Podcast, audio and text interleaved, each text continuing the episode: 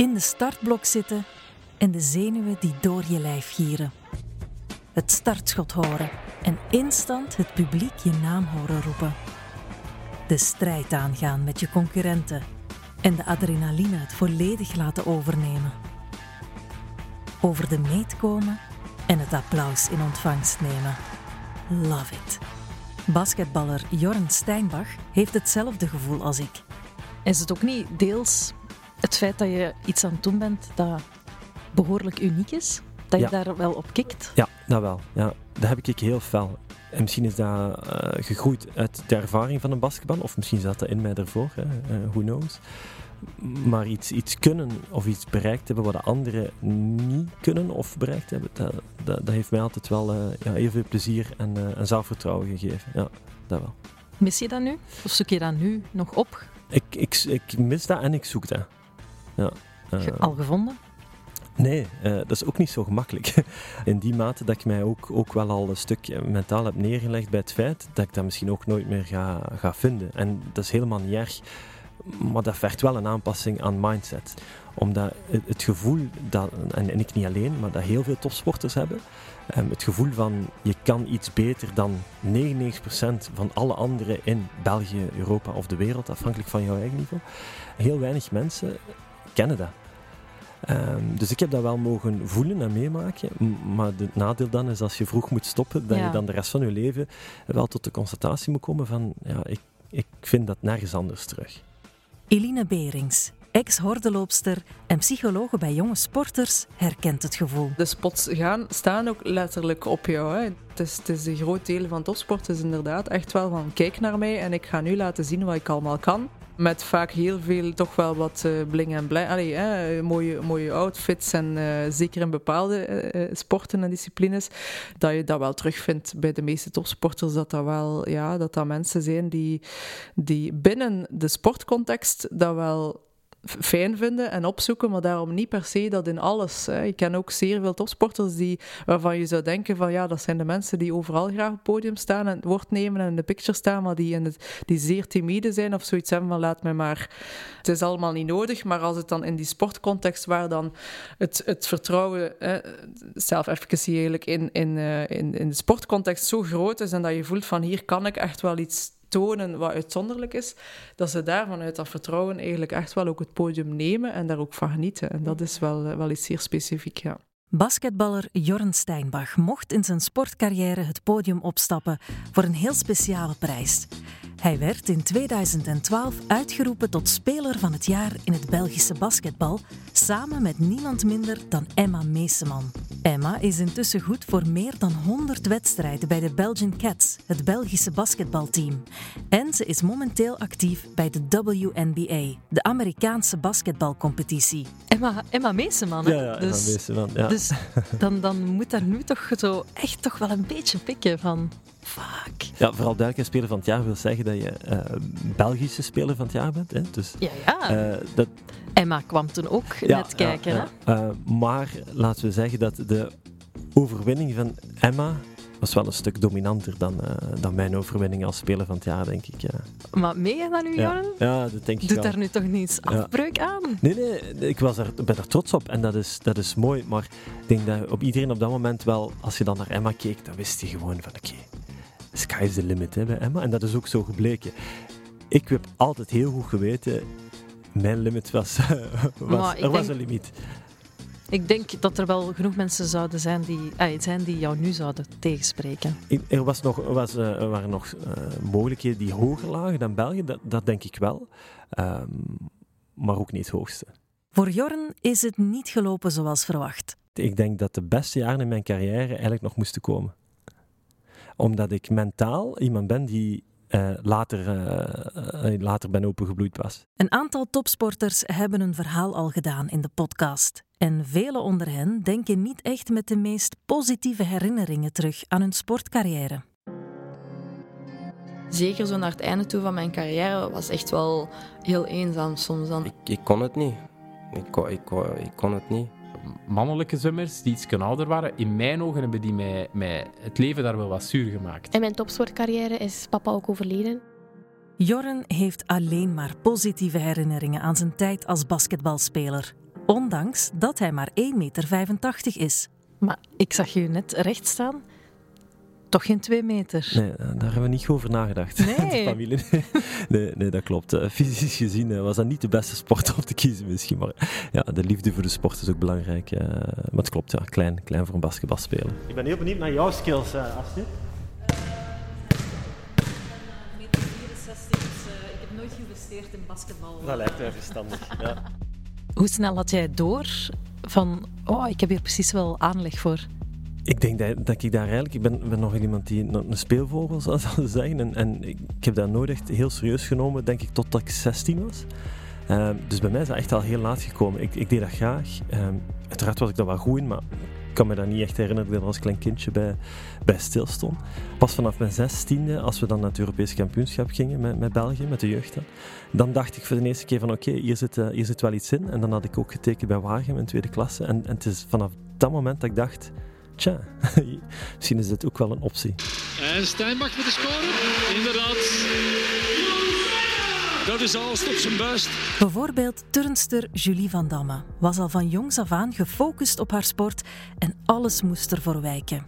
Alles was uh, tak, tak, tak. Maar bij Jorren was dat verre van het geval. Ja, eh, ik kan het natuurlijk niet vergelijken. Ik heb, ik heb het niet, niet zelf gedaan aan, aan, eh, als gymnast. Met mijn lenigheid zou dat ook geen optie geweest zijn. Maar um, ik weet wel voor mijn eigen, tot mijn, ik denk, achttiende heb ik uh, alles in het leven kunnen doen, gecombineerd met mijn, uh, mijn basket. We hadden vier, vijf trainingen op een week. Mijn match bij, Um, geen begeleiding naar voeding of verwachtingen of, of, doelstellingen. Ook niet naar krachttraining of wat dan ook. Dat, ik heb dat nooit, nooit gehad. Ik deed daar gewoon mijn eigen trainingen en ik ging een balkje gaan shotten. En het was plezant. En het was plezant, wat voor mij altijd een absolute voorwaarde is geweest om het, uh, ja, om het te blijven doen. Ja. ja. want ik hoor bij veel van de ex-atleten ook uh, zeggen van ja, als jeugd komt dan ook doorheen de puberteit in combinatie met topsport, dat dat wel heftig is en dat je dan wel de discipline moet hebben om nee te zeggen tegen je vrienden, om niet op café te gaan, om niet naar de fuiven te gaan, om te focussen op je sport. Was dat dan minder bij u? Kon jij wel zo'n pintje gaan, gaan binnenkappen? Ja. ja, mijn maten wel. Ik ben, ben ook niet de, degene die elke avond op café wou gaan zitten. Dat zit nu ook wel niet in mij. Maar uiteraard heb je, je als, als jongere, waar dat sociaal contact, vrienden en, populariteit ook wel belangrijk zijn, uh, zitten daar zeker mee. Hè. En dan is het een beetje zoeken naar een, naar een lijn die, die doenbaar is. Hè, voor, voor zowel de top in sport te bereiken, als uw, uw privéleven ook een stukje nog te, uh, te kunnen laten gelden. En ik denk in basket, maar ook in voetbal, dus alle teamsporten, is dat iets gemakkelijker, lijkt mij. Net omdat er minder op details wordt gelet dan, dan bijvoorbeeld in turnen of in wielrennen of in atletiek, waar dat bij wijze van spreken elke gram telt. En dat is in basketbal wel, wel minder. Ja. Jorren begint zijn carrière als prof bij Okapi Aalst, een club die in eerste klasse speelt. Ik heb vier jaar bij Aalst gespeeld, wat dat voor mij de, de, perfecte club was om, om te starten ook. Een heel goede club, leuke resultaten geboekt, maar met mensen die, die daar aanwezig waren, die echt wel in, in u geloofden en er, en er waren om te helpen. En, dat was fantastisch. Maar op een moment, ja, dan, dan wil je toch nog proberen om dat stapje hoger op te gaan. En dan denk je dat dat stapje hoger op een club is die uh, toch iets groter was nog en meer budget had. En dan zijn we zo naar Charleroi gegaan. En dat voelde ook als een, als een natuurlijk iets, maar nooit echt stilgestaan van oké, nu moet ik in Charleroi gaan wonen. Hè. Uh, op het moment dat ik daar dan was, dacht ik soms wel, oké, uh, wat, wat doe ik hier in godsnaam in, Charleroi? Maar het is maar Charleroi. Hè. Wij hadden ploegmaten die van, van ja, ganse wereld kwamen. Hè. Dus voor hen moet dat nog een, een veel grotere aanpassing geweest zijn. Voor Jorren is Charleroi een tussenfase. Hij mikt op andere clubs in het buitenland. Maar uiteindelijk is het er nooit van gekomen. Ik heb dan uh, bij Charleroi getekend, weten dat ik een operatie nodig had aan mijn knie. Hè, want mijn patellapees was uh, zo goed als ontstoken. Uh, dat kon ze niet meer recht trekken, dus hebben ze daar een stukje uitgesneden en weer aan elkaar gehecht. Dus die, die operatie, dat wist ik. en dat wist Charleroi ook. dat was geen probleem. Dat was revalideren en dan spelen vanaf december in het, in het seizoen bij. Jorren loopt ook al een tijdje rond met lies- en heuppijn. En dan bleek na die revalidatie dat die heuppijn eigenlijk terugkwam. Op dat moment hebben we dan ook wel met de dokter gekeken van ja, oké, okay, wat, wat, zou daar nu aan schelen? Want het was altijd mijn lies, bleek dat dat de heup was. En dan zijn ze begonnen met de linkerheup, omdat daar de pijn zat. Uh, en dan heb ik eigenlijk uh, op twee jaar tijd drie operaties gehad. Van uh, los kraakbeen die er in mijn heup zat, misvorming van mijn heup en heel zware artrose. Artrose? Ja. Ja, en, En je was hoe oud? ja, ik was op dat moment was ik 22. Ja, ja. En ook daar, en dat gaat heel raken, maar op dat moment was het dus ook geen paniek bij mij. Ik, ik was helemaal niet bezig met dit gaat einde, of dit is een mogelijkheid dat het, dat het einde van een carrière gaat betekenen. En hoe hard ben je dan wel bezig met het feit dat je bij een gloednieuwe club zit, dat je pas getekend hebt en dat je... Hoeveel wedstrijden had je op dat moment al gespeeld? Ik denk, ik, ik durf het niet luidop zeggen. Hè. Ik weet het ook niet, niet officieel, maar ik denk dat ik op twee jaar tijd eh, 15 matchen gespeeld heb of zo. En je zei nogal wat kopzorgen. Inderdaad, eh, Steffi, bij Charleroi ontbreken de geblesseerde Jorn Steinbach, spelverdeler, overgekomen van Alstar en vorig seizoen speler van het jaar. Als speler van het jaar dan, juist ervoor. Hè. Eh, En voel je dan die druk? Nee. Vanuit mezelf, eh, misschien nog meer dan vanuit de club. En daar ben ik Charleroi enorm dankbaar voor. Hè? Want, want mensen daar, zowel kine als dokters als, als directie, eh, waren enorm eh mensengericht. Hebben mij altijd gesteund, kans gegeven. eh, en, en daar ben ik enorm dankbaar voor. Want ik heb op die twee jaar die druk van hun kant niet gevoeld, maar wel van mijn eigen. Na de eerste operatie, oké. De tweede begint alweer wat meer en de derde ook. En, en om een duur had je echt wel zoiets van, bon, ik wil mij, ik wil mij bewijzen. Hè? Uiteindelijk kan Jorn zich niet meer bewijzen. als ik daar zo achteraf op terugkijk, was ik ook niet ongelukkig. Ik had zoiets van, oké, ja, bon, het moet geopereerd worden en, en we gaan die operatie doen en we gaan revalideren. En ik denk als je vraagt aan de mensen rondom mij, dat ik nog altijd dezelfde Jorn was die, die ik altijd geweest ben. En op het moment dan in 2014, dan liep mijn contract af bij Charleroi. Zij ging dat niet verlengen, uiteraard niet. Maar zij zeiden wel van, kijk, revalideer eh, na uw nieuwe heupoperatie. Dat was dan het laatste. En wij spreken elkaar terug in december.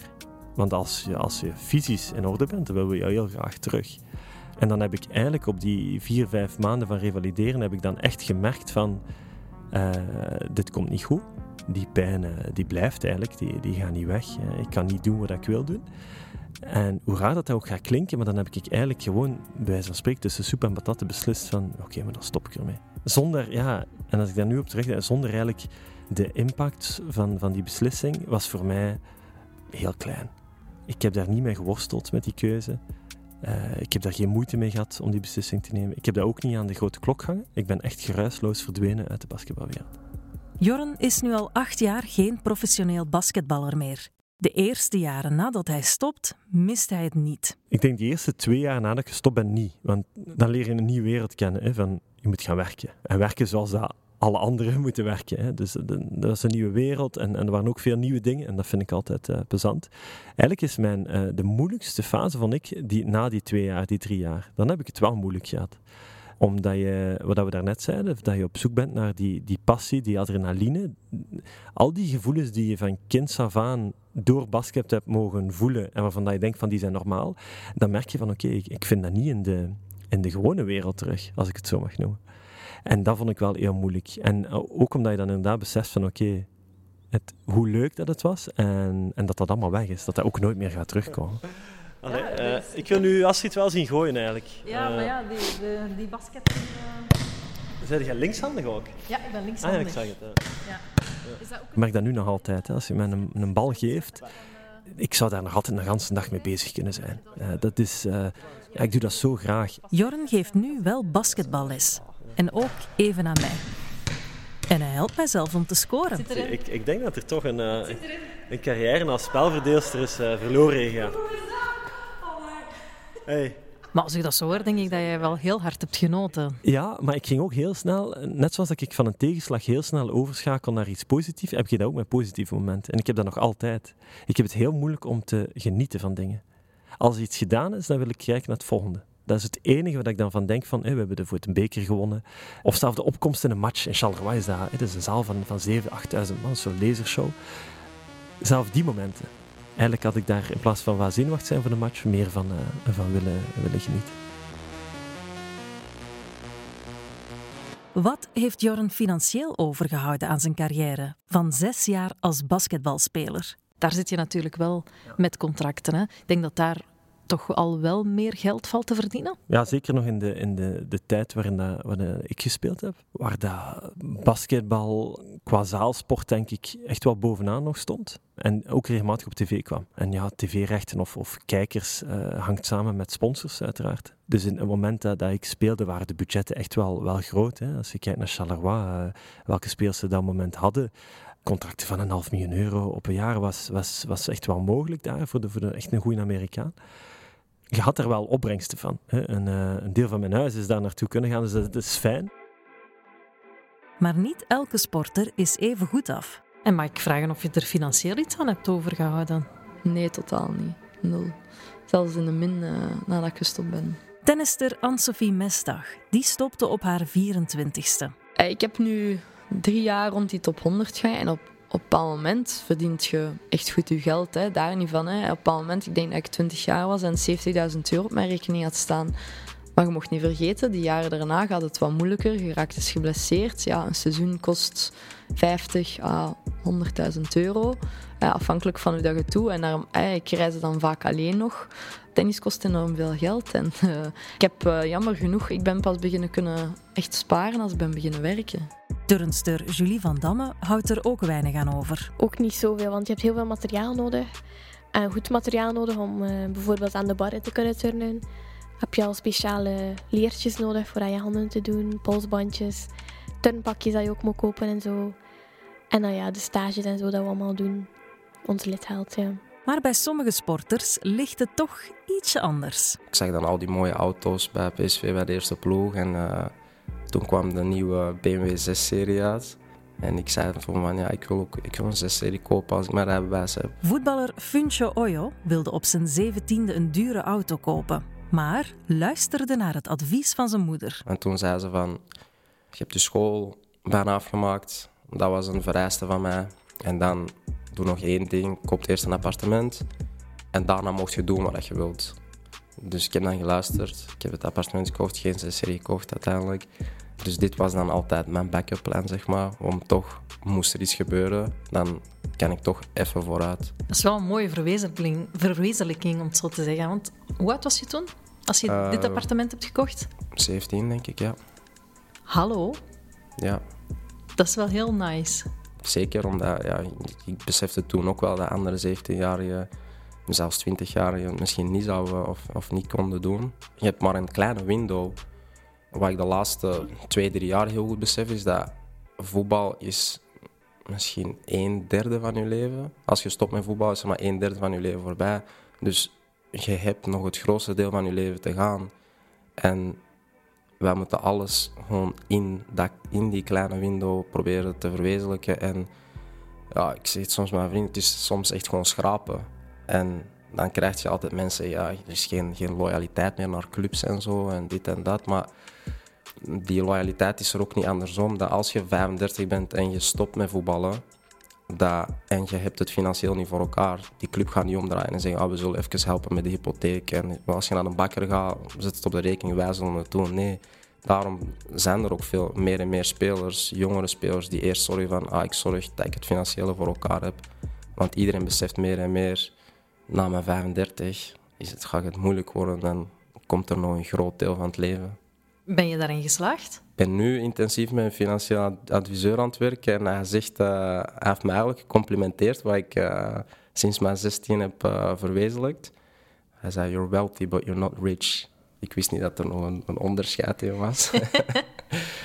maar ja, we zijn, we zijn goed op pad. Met wij dan bedoel ik, maar ja, ik, ik, zie het ook als een team, met mijn vrouw en ik. Mm -hmm. En dan was er nog iemand. Kun je daar zeker iets aan overhouden? Zo. Wielrenner Kevin Seeldraaiers. Kan begrijpen dat sommige renners er misschien niet veel aan overhouden, omdat ze bijvoorbeeld jong zijn en ze verdienen veel geld en ze geven dan natuurlijk veel geld uit. Maar als wielrenner moet ook beseffen dat als je morgen valt, kan je carrière in feite ook gedaan zijn als je zware blessuren hebt. In de laatste aflevering van Net Niet leer je hem kennen en hoor je wat alle sporters nu doen in het leven.